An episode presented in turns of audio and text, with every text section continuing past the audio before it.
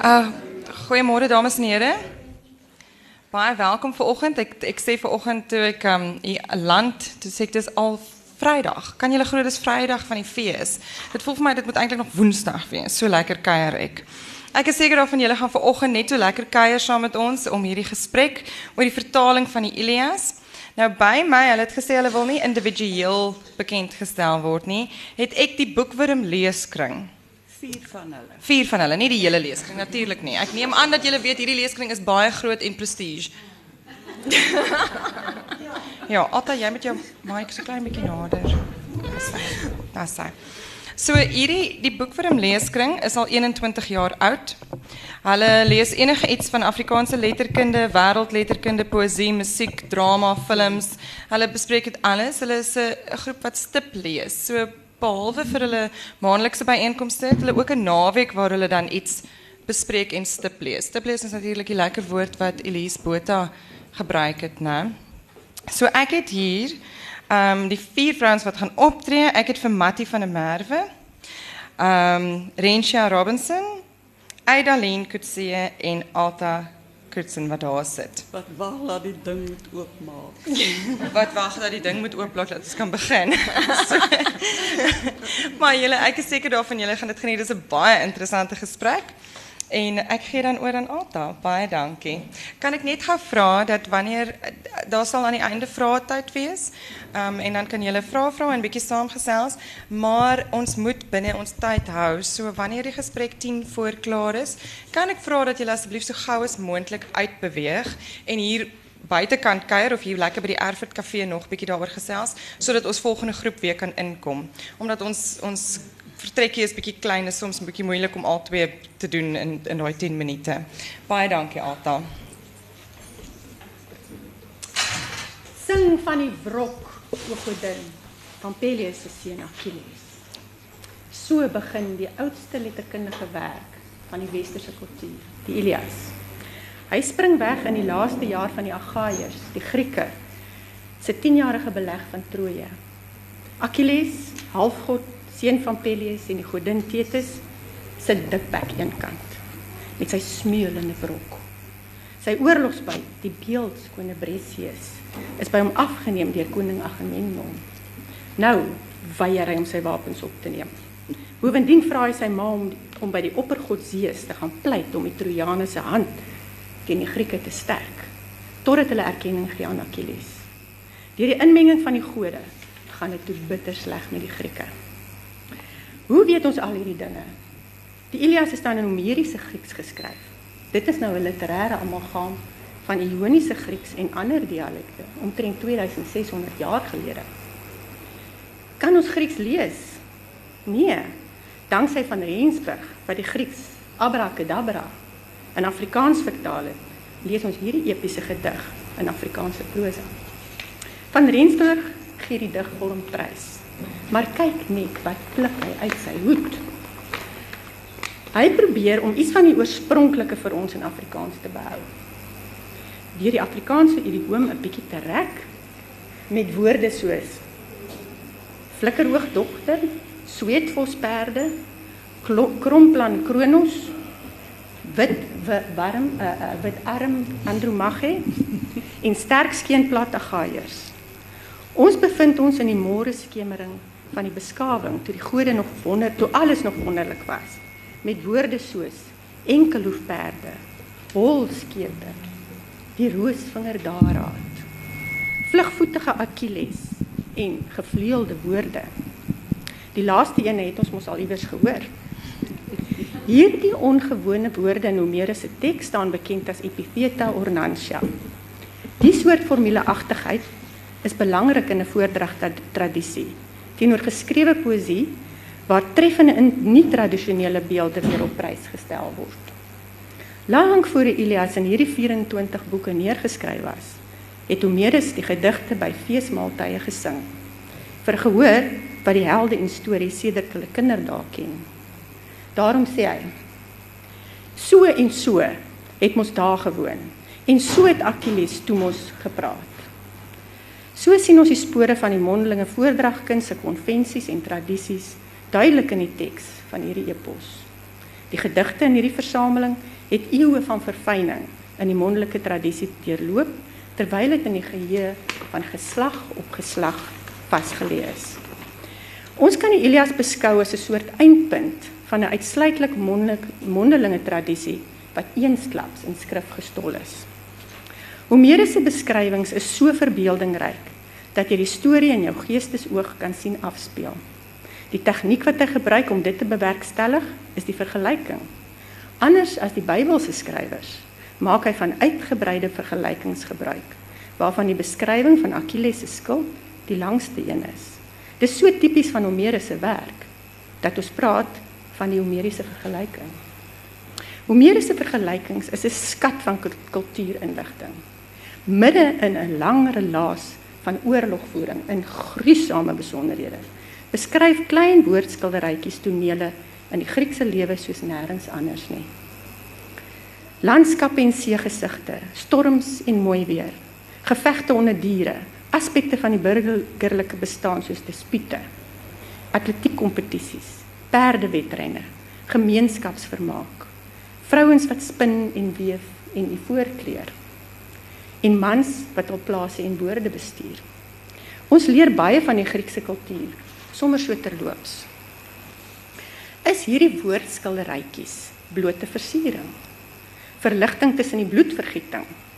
Allermins. Eintlik wys hierdie vergelykings ons hoe Homerus met sy tradisie omgaan. Hy wend elkeen van hulle funksioneel aan. Verstaan jy hoe hulle werk? Dan kom jy uit by wat Homerus eintlik met die Ilias wou sê. Die vergelykings is maklik om raak te sien.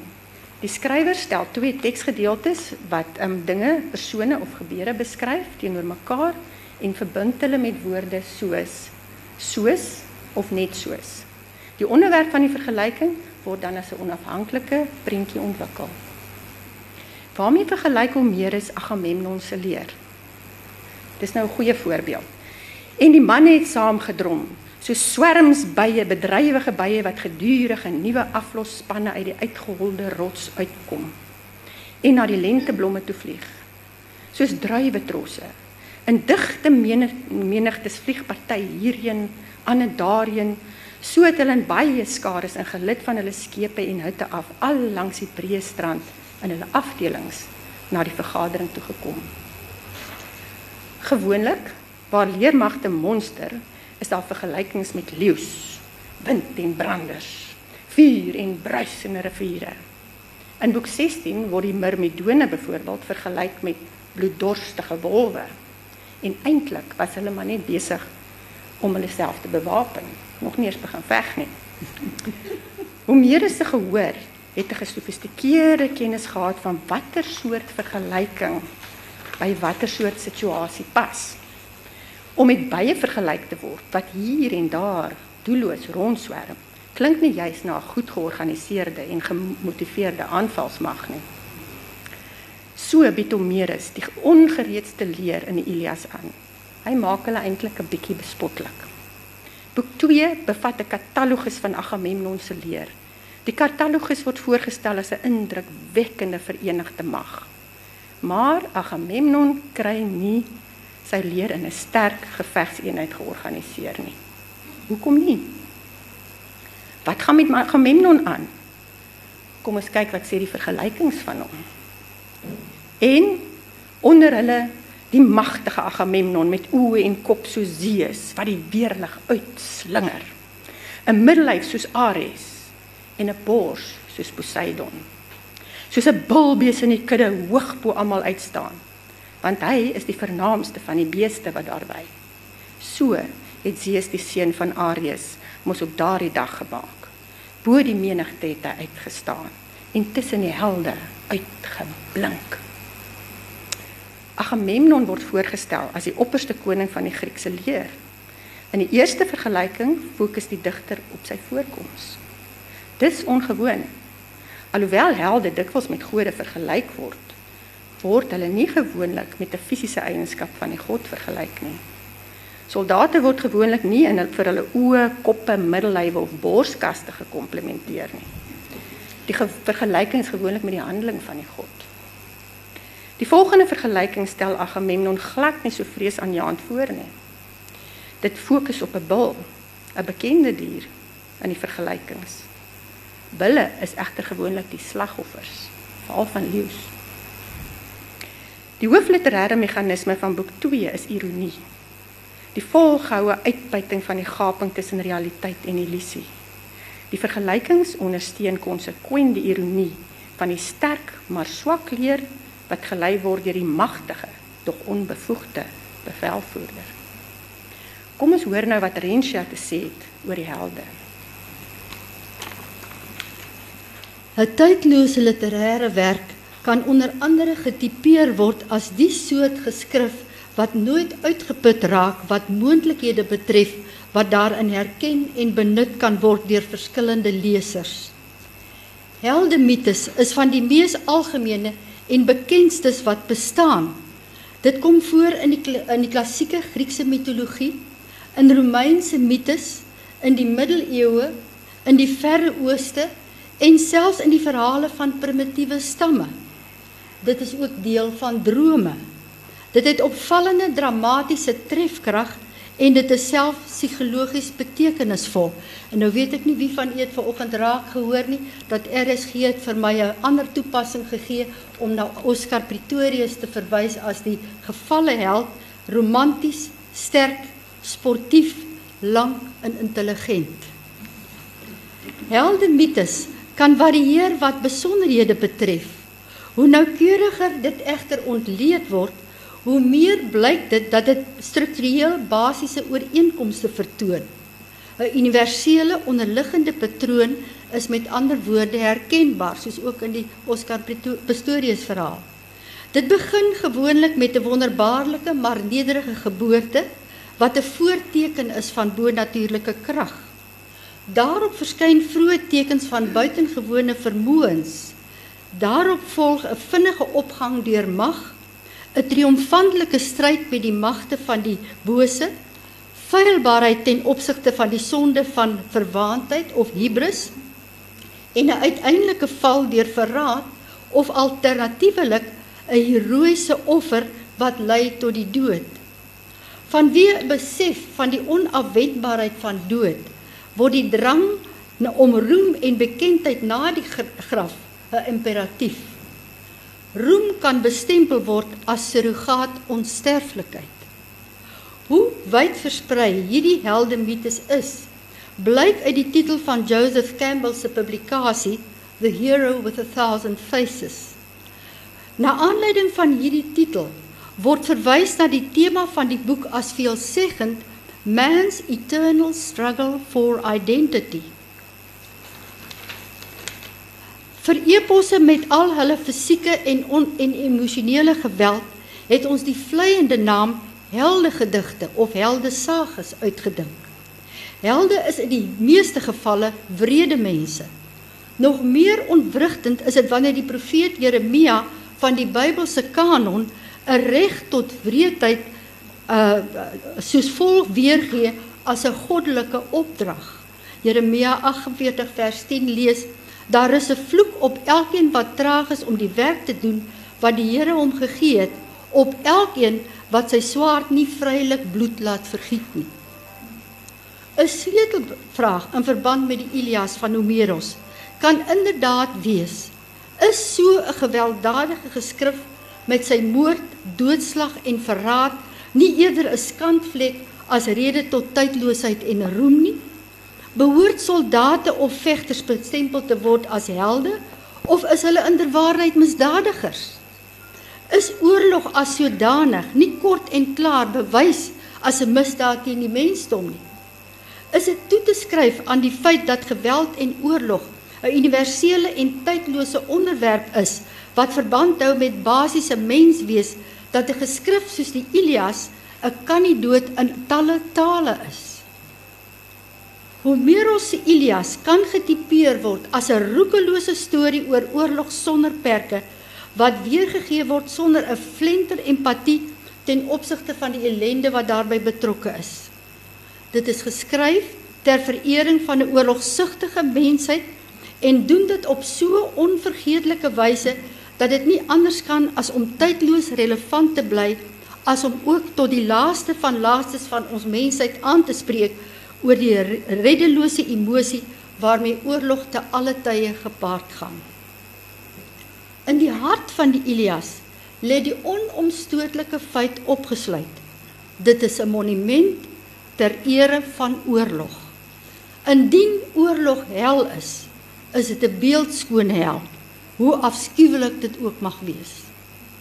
Die Griekse woord wat die naaste ekwivalent is van heldskap is agenorie. Ek hoop ek spreek reguit vir die Griekse kenners.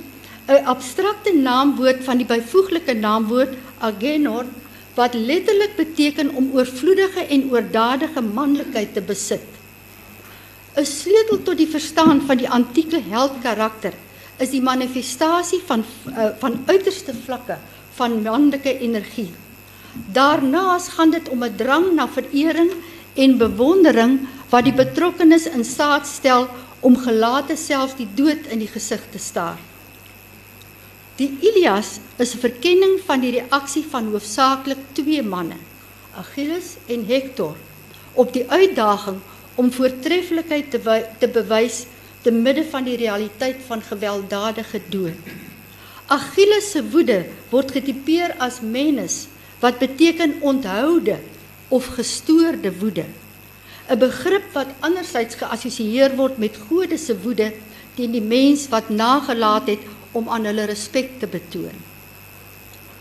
Deernis en rou, asook die oproep om erbarming of bewoonheid oor diegene wat daarin vasgevang is, is sinoniem met die oorlogsveld. Die buitengewone impak van die Ilias is juis geleë in die spanning wat gehandhaaf word tussen die twee teenoor mekaar staande werklikhede. Dit roep egter ook uit na 'n toekoms van heelmaking. Oorlogshelde van die kaliber van Homerus se Ilias behoort in hierdie agtergrond beoordeel te word. Joseph Campbell in sy Hero with a Thousand Faces tipeer helde mites as tipes van die mens se ewige stryd om identiteit. 'n Oorlogslagoffer het tot die slotsom gekom dat slegs diegene wat die lyding van oorlog met al die onreg en onheil daaraan verbonde deurleef het en wat daardeur ervaar het hoe ver die dwang van geweld strek en dit dan verfoei is in staat om inderwaarheid lief te hê en geregtigheid te beoefen. Oorlog en oorlogshelde is in die lig hiervan soos volg getipeer. Oorlog is sowel die ervaring van 'n angswekkende krisisoomblik as 'n bewussyn van die skim van 'n gelukkige verlede. Dit roep egter ook om 'n heelmaak vir die toekoms. Teen hierdie agtergrond moet die sin van oorlogshelde van die kaliber van Homerus se Ilias beoordeel word. Die held verteenwoordig die beste in menswees, verhewe ideale, selfopoffering, eerbare strewes die beste waarna manlik of vroulik gestrewe kan word. Die held is egter ook eie aan tragiese mites en argetipiese verhale waarin held wees ontluister word deur 'n enkele swak plek in die held of die heldin se karakter. Ek verwys weer na Oskar Pistorius. Die Ilias problematiseer die voortreffelikheid van heldskap en verken die onderliggende bitterheid wat daarmee gepaard gaan. Langs die weg word bykomend universele realiteite aangaande die mens se stryd om eie waarde onder die onsterflike en oënskynlike sorglike gode verken. Oorlog kan inderdaad getipeer word as 'n natuurlike verskynsel. Moeilik vir die enkeling op een of ander tyd en pynlik vir betrokkenes. Dit bied egter 'n uitdaging vir die verwesenliking van tydlose heldskap. Die wapenrusting van die held is betekenisvol en beslissend, soos dit ook in die Ilias na vore na vore kom. En hierop gaan Idelen uit. Regter eeue het kunstenaars die Ilias as bronteks gebruik vir die skep van nuwe kunswerke. Vertalers het dit weer vertaal om dit vir meer teikenlesers toeganklik te maak.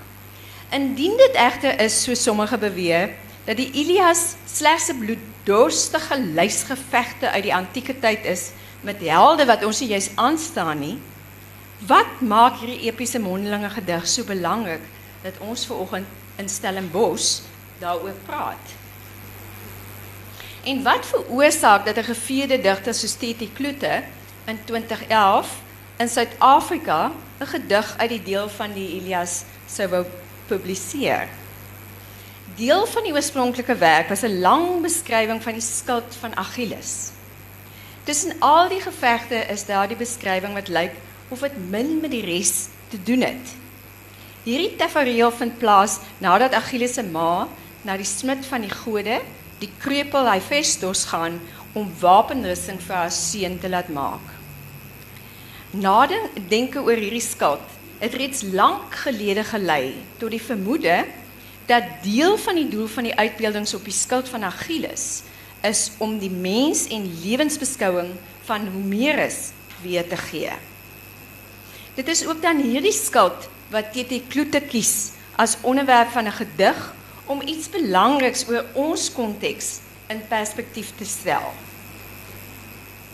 Wat was dan gewoonlik op skilde? Die tradisie van skilde sê dat Agamemnon se een soos volg gelyk het. En hy het sy onstuimige hele man skild opgetel, die mooie en alkunstige met 10 koperringe rondom en 20 wit knoppe van tin daarop en in die middel een van donkerblou lasuursteen. Die gorgo se grimmige kop het dit alles met haar vreeslike blik gekroon en rondom was daar vrees en verskrikking. Achilles se skuld was egter geheel anders. Volgens Aias was Odysseus geheel al nie bevoeg om die beeld van die heelal op Achilles se skuld te dra nie. Indien ons dink aan die beskrywing van die skuld meer is as 'n beskrywing, sou dit dalk die sleutel kon uitmaak waarmee die res van die Ilias beter verstaan word. Om terug te kom na Agamemnon se skuld. Alhoewel 'n skuld die held se lyf en lewe beskerm op die slagveld, word dit natuurlik ook sy identiteit. Die beeld op Achilles se skuld was dalk nie Achilles se identiteit nie, maar wel Homerus se. Die skuld is 'n uitgebreide metafoor van die Homeriese heelal, volgens Taljaard. Die duidelike stilistiese breek met die res van die teks, as ook die oordadige beskrywings van die beelde op die skuld, demonstreer dat hierdie skuld nie 'n gewone skuld kan nie. Die skuld beeld die algemeen menslike lewe uit. Nie die lewe van die gode nie en ook nie Utopia nie. Daar's progressie van die basiese elemente in die binnekring, die hemel en die aarde, tot kultuur en kuns, dans in die buiteste kring. In die middelste sirkel is die magtige gode gewoonlik uitgebeeld om die held te beskerm of iets afgryswekkends soos die Gorgo wat vrees en verskrikking moes inboesem en die opponent se knieë moes lam maak.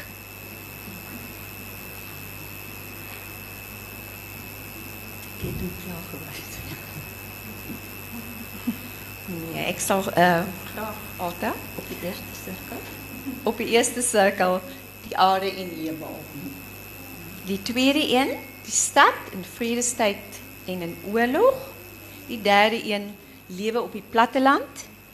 Die vierde een, kuns, kultuur en veeteelt en die laaste een die Oseanus rivier.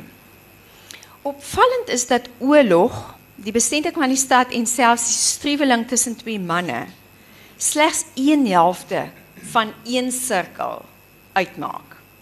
Hierdie feit demonstreer iets belangriks oor die Homerus se lewensbeskouing. Maar beeld verder uit wat alles verloof word elke keer as dat tot oorlog oorgegaan word. Die rustige wêreld waarna ons streef, is juis die wêreld wat verwoes word tydens oorlog. Die Ilias kan nie as verheerliking van oorlog gesien word as ons oor die skuld nadink nie. Indien 'n hedendaagse digter sou besluit om 'n vertaling te gebruik van Rensburg sin en om daarvan 'n nuwe kunswerk oor die skuld te skep, kan die stipleser haarself afvra: Hoe na aan die oorspronklike sal die digter bly? Watter veranderings sal daarvan Homerus deur van Rensburg tot by TT Kloete voorkom en hoekom? Beskou die digter ons werklikheid dalk ook as 'n staat van oorlog? En watter merkers is daar in sy gedig om dit aan te dui? Hierdie vrae te doen met die vertaalteoretiese aannames dat elke kunswerk of vertaling vir 'n spesifieke konteks geskep word. Dis moontlik dat die antieke Agaias en Trojane so ver van ons leefwêreld verwyder is dat die vertaler of digter deur glossaria voetnote hedendaagse lesers moet help om die antieke kultuur beter te verstaan. Sekere aanpassings kan dus ook dui op ons huidige konteks waar nie alle aspekte van die Ilias gemaklik verdiskonteer kan word nie. Ons lees nou eers die begin van Kloete se gedig en vergelyk dit kortliks met van Rensburg se vertaling. Die hinkende horrelvoet Hephaestus se goddelike opdrag is om wapens te maak vir die soldaat Achilles. 'n Helm en harnas, 'n spies en 'n skild vir die ratsvegter met die dodelike hande en vinnige voete. Die kunstenaar met die behendige hande, die kromkrepele wat die onderdanige is van die elegante en ratsatleet. As ons besin oor wat in antieke tye, maar ook wat deesdae 'n held is, kan ons vra: Is die kunstenaar, selfs al is hy nie volmaak of beeldskoon nie, wat dooie metaal of woorde verander in lewende mense en dinge, die werklike held? Of is dit die ratsvegter met die dodelike hande wat lewende mense en diere in materie verander? Kloete oorbeklemtoon die gestremdheid van Hephaestus, maar wou dalk ook iets belangriks oor die transcendering van die werklikheid as ook sy eie kunstenaarskap daarmee weergee. Die spanning tussen geweld en kultuur interesseer die digter. Die vraag kan gevra word: wen die elegante en ratsatleet? Soos die Ilias Kenneree geskryf het, The Iliad was not written to glorify war, but to emphasize its tragic futility. Kloete gebruik omtrent vir 'n kwart van sy gedig van Rensburg se vertaling. Woordeliks. In die begin van die tweede sirkel vertaal van Rensburg soos volg. Hy het ook twee stede van redelike mense daarop gemaak. Pragtiges. In die een was daar mos 'n weelderige huweliksfees. 'n Bruid met vlammende fakkels van haar kamer af begelei deur die stad. Terwyl die huwelikslied vol opstyg en die jong manne al dansend in die ronde draai. En die klanke van fluitte en liere mos tussen hulle weer klink. En die vrouens staan vol bewondering. Elkeen by haar voordeur. By Kloete is die klem nie op die redelike mense nie, maar weerlose mense. Hulle wat eensaamheid en alleenheid vrees. Daar's ook sprake nie van die vrouens by hulle voordeure nie, maar die ou manne wat op glad geskuurde koelklipstoele in 'n veilige kring op die markplein sit. Hierdie klem is nie in Homerus teenwoordig nie. Weens gebrek aan tyd moet ons egter nou 'n hele groot deel van die gedig oorslaan en spring na die deel waar die skuld klaar is. Hy Festus tree hinkende ver terug. Dan staan hy die lieflike kunstige skuld van ons ontglippende dubbele menslikheid in een stuk gesmee aan Achilles af. Een van die sleutels tot Kloete se mensbeskouing sou geskien kon word in die woorde ontglippende dubbele menslikheid. Die mens is nie 'n held of lafaard nie. Hy is held en lafaard. Sy is nie 'n vegter of kunstenaar nie. Sy is vegter en kunstenaar. Wie kan die mens verstaan? En veral, wie kan die skepping van 'n kunswerk verstaan? Kloete gebruik die herhaling wat kenmerkend is van epiese gedigte baie effektief in sy weergawe. Die eerste keer uh, strofe wat herhaal word is dit is die eerste geveg tussen al die mooi dinge op die skild in die binneste kring van die nes van konsentriese sirkels wat in mekaar pas netjies soos die kringe in 'n versteurde waterplas woorde soos nes binneste kring konsentriese sirkels in mekaar skep die idee van volmaaktheid en gepasheid veiligheid die mooi dinge op die skild sluit egter ook die geveg in. Eerstens die geveg tussen twee gewone burgers. Die regsaak word objektief hanteer in die dorpskern. Dis vir ons 'n teken van 'n samelewing wat weet hoe twis, hoe om twis op 'n beskaafde manier te hanteer. In die tweede geval kyk die gode toe en alles is nie meer maklik om te verklaar nie. Die sterkste wen ook nie noodwendig die geveg nie. Die groter geveg tussen al die mooi dinge is die tweede herhaling. En laastens die wreedste geveg tussen al die mooi dinge is wanneer Achilles vir Hector doodmaak en hom daar laat lê. Dis wesensgetrou ingesmee in die buitenste kring van die nes. Kortliks 'n paar merkings van Kloetus se lewensbeskouing. Die mens is weerloos maar is mooi en goed. Klote vier nie die volmaakte soos in die klassieke paradigma nie, maar die weerlose soos in die romantiese paradigma. Die kunstenaar is nie in beheer van die skepingsproses nie. Hy sê tot groot verwondering van die kunstenaar self kom hierdie kunswerk na vore.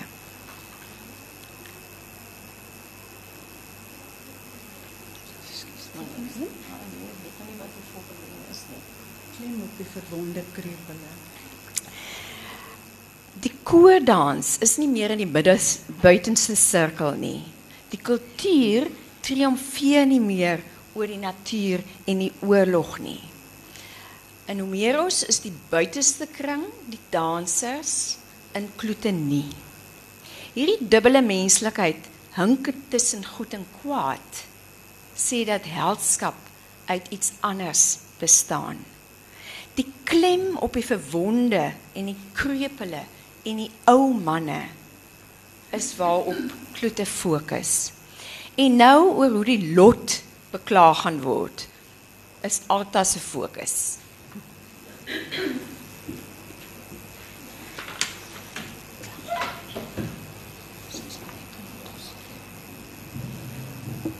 Klank.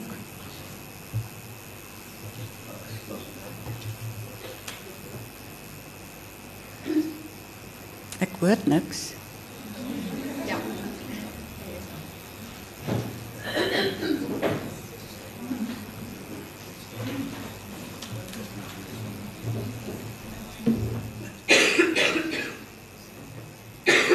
Hoor julle iets? Ek? Oor nee, musiek met ons musiek. Ja. Ek Wat is die manne is weg.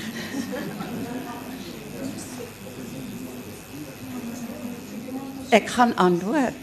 Ja. Die wrok. Die wrok van die Trojane. Die wrok van die Agaiërs, die wrok van Achilles spel net een ding: oorlog en dood. Daarom is klaagliedere oor die gestorwe helde 'n belangrike deel van die Ilias.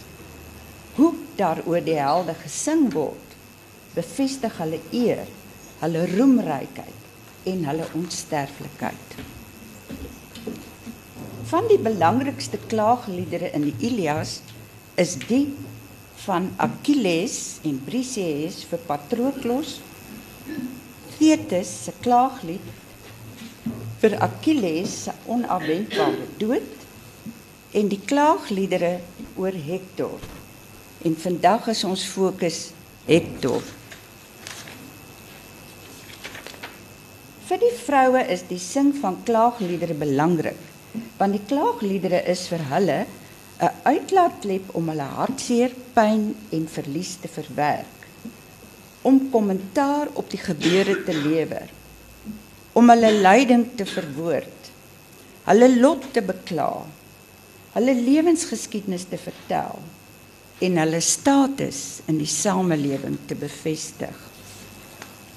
Andromache, die eggenoot van Hector, sing drie klaagliedere.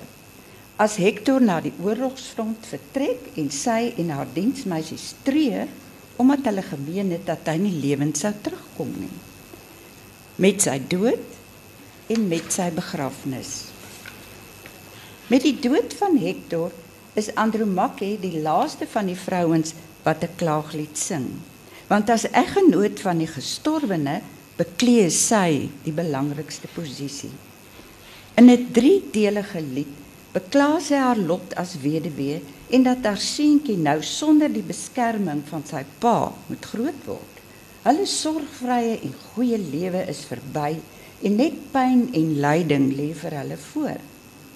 Sy besing nie Hector se grootheid en sy glorie nie. Selfs Hector se mooi klere het hulle betekenis vir haar verloor en daarom verbrand sy dit. Met Hector se dood het die Trojane saamgekom om te rou oor die dood van hulle leier. Om sy onsterflike eer te besing met liedere wat sy naam en sy dade lewend sal hou. Die rituele sangers het om sy bed kom staan en die lied van smarte gesing. Daarna het die vroue die lijksang gesing. Hierdie liedere word telkens in 'n beurtsang beantwoord met 'n gehuil en 'n gekerm deur 'n koor van Trojaanse vroue. By die begrafnis is Andromache eerste aan die woord, 'n vreemde plek. En haar fokus is nie op Hector se onsterflike eer nie, maar op haar verlies. Dis sy wat sy kop beskermend in haar arms hou. Na Andromache bekla Hekabe haar lot, want haar geliefde en mooi seun het gesterf en sy vra al die omstanders om saam met haar te rou. Helena, die een wat die oorlog veroorsaak het, is die laaste van die vroue wat sing weer 'n vreemde posisie. Homerus gee haar hierdie eer omdat sy die enigste vroue karakter is wat reg deur die Ilias met poësie geassosieer word. Want sy beeld met haar mooi weewerk die gevegte tussen die perdetemmer Trojane en die koperharnas Agaiërs uit. Sy beskryf die dade van die grootste Griekse helde Sy weet dat 'n held se onsterflikheid bevestig word deur die epiese poësie en die klaaglied en daarom fokus sy op die grootheid van Hector as mens. Die laaste klaaglied by die begrafnis word deur Hector se broers en sy makkers gesing. Hulle het die wit beendere wie klaande versamel terwyl baie trane van hulle wange afgestroom het. Hierdie grootste gedig van Homerus eindig met Hector, die perdetemmer se begrafnis. As hierdie klaagliedere dan gesing is, hoe het dit geklink? Tans is navorsers van mening dat die musiek van die Christelik Byzantynse kerk 'n goeie klankbeeld gee van hoe die musiek uit Homerus se tyd geklink het. Maar jy kan sien dit daar was eeue tussenin. Gaan gaan ek nou klank kan hoor.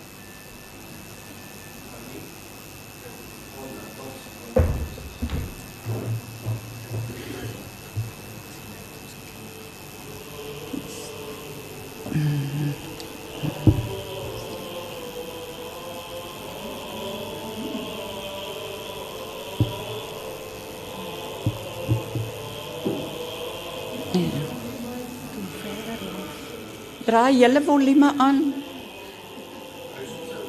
Ag nee man, dit maak my so moedeloos as nie my musiek kan hoor. Daar kom iets nou. Hy is gewoonlik op sy hand. OK, ons gaan maar aan. Julle uh, jammer. maar klaagliedere het nog 'n doel vir ons in ons samelewing.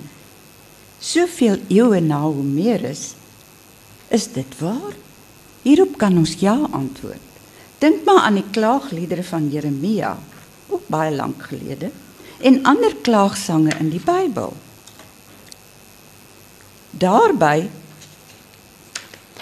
is die klaaglied deur die eeue vir talle kunstenaars soos digters, musisië, dansers, beeldende kunstenaars 'n besondere uitdrukkingsmiddel. Soos hierdie klaaglied in beweging van Martha Graham of soos die rougesang by die dood van Mandela van Auntie Krog. Die ondergronds het 'n rif geskuif. Die aarde struikel verward swik die son. Toe sy asem hom verlaat het in die nag, het die sterre geduisel. Want alles is verstrengel, wurgend aan sy dood. Sy dood en die dood alleen.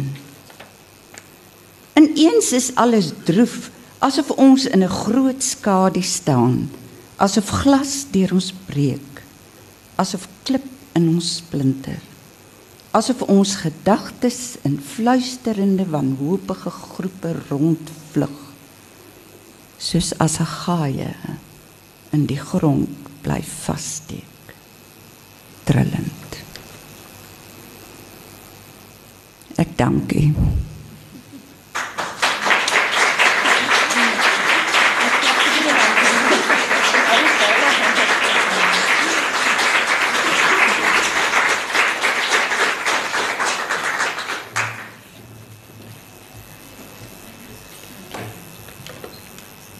Ons kan al die vrae beantwoord. Ja, laat baie praat. Dis welkom om praat te vra.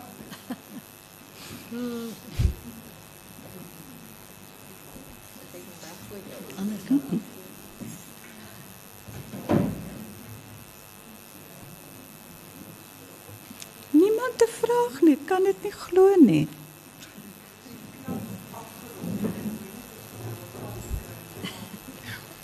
Vies oor die musiek.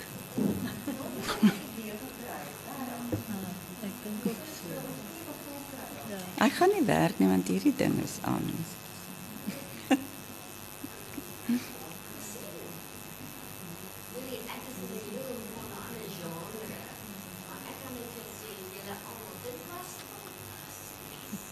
Baie dankie. Alles is volste. Ja. Mens Ag, ek sit nou nie hier baie dankie hoor. Dit is so mooi. Danksy die vriende kry ons 'n plek op die program. Anders het hulle ons nie toegelaat nie. Wel ek kan net sê as 'n mens so 'n ou boek lees, dan dink jy jy weet toe ek hom byvoorbeeld begin lees het, was ek oorweldig deur die geweld. Dis gruisam. Hulle sê van dan tref die spies hom en dit verduidelik hoe sy seunings oopgeskeur word en hy plof op die grond in die stof en sy wapens kletter op hom neer of sy harsings in sy helm rond. Dit is afgryslik tot jy begin agterkom maar wag 'n bietjie. Jy weet jy kyk na die vergelykings en dan sit hom maar af. is daar 'n ander idee. 'n Ander idee van wat eintlik bedoel word. Ja, sit hom aan en luister ons. Ja. Ekskuus Mat, ek wil Nee, nie is reg, is reg, ek het klaar gesê. Ek wil net graag sê ek hoop dit is 'n illustrasie van die tydloosheid van literêre skepings. En en, en daar's niks wat ek wil het uh, vir my meer dramaties verwys het as hierdie storie vanoggend van Oscar Pistorius wat presies beantwoord aan al hierdie goed wat gesê is oor die Boere se helde. Eh, Reisha, Mati, Nadine, dat ek net eers by persoonlike belange. Ek is baie nou verbonde aan Oscar. Sit hom af. Onafhanklik net hier sê baie dankie vir wat julle vanoggend vir ons hier oopgemaak het van 'n meesterstuk van 'n ding. Uh, om net 'n bietjie dieper te kyk. Baie dankie daarvoor. En dan die tweede ding wat ek wil sê is, weet julle wat vir my so ontsettend uh mooi is, is dat hoeveel van hierdie soortwerke is al in Afrikaans vertaal en is beskikbaar in ons eie taal. Baie dankie vir wat julle doen. as sê die Grieks kan die ou wat nie wat wat is die vertaling van my wonderbaar wat nou lees ek in die begin wonder jy want dit is so moeilik om te lees maar dit is so lekker om te vertaal dat ek dink en as mens op goed raak daaraan is dit ongelooflik die beelde en die atmosfeer Mm. wat hierdie vertaling by mens by mens werk en ek ek het dit geweldig waardeer Daar's daar. Dom, ek weet nie of mense uh, hoor wat so lank gelede geskied is nog 'n neologisme kan doen. ja, soveel van die woorde, mens kan gerus 'n lys maak van soos die een man skuld. Ja. Ja. Hele man skuld. Hele ja. Daar's 'n klomp van daai woorde wat mens gerus kan opskryf en 'n bietjie adverteer. Nou, nie of jy skulde het nie, maar daar Ons het skulde nodig. Al die Ja, kan ook van die um, daar's dus van die stukke wat Mattie gelees het van die wat mens regtig vandag kan toepas. Daai stukke van die ironie. As jy daai beelde gebruik kan jy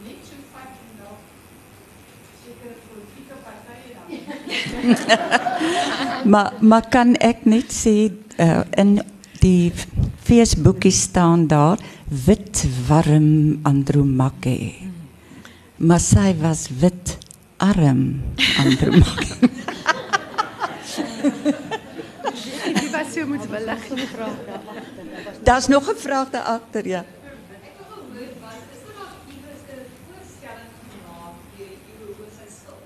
Ja, baie. Ja, wonderlike wonderlike voorstelling. Ja, ons het ons het voorstelle gehad, maar ek het dit weer weens tyd moes uithaal. nee, daar's wonderlik en hulle bou selfs die skild. Ja, dis daar's pragtiges.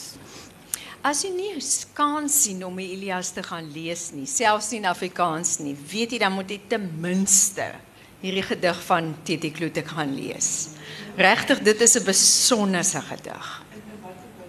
Onversadig 2011. En hy wat krippel is se skuld is die poësie.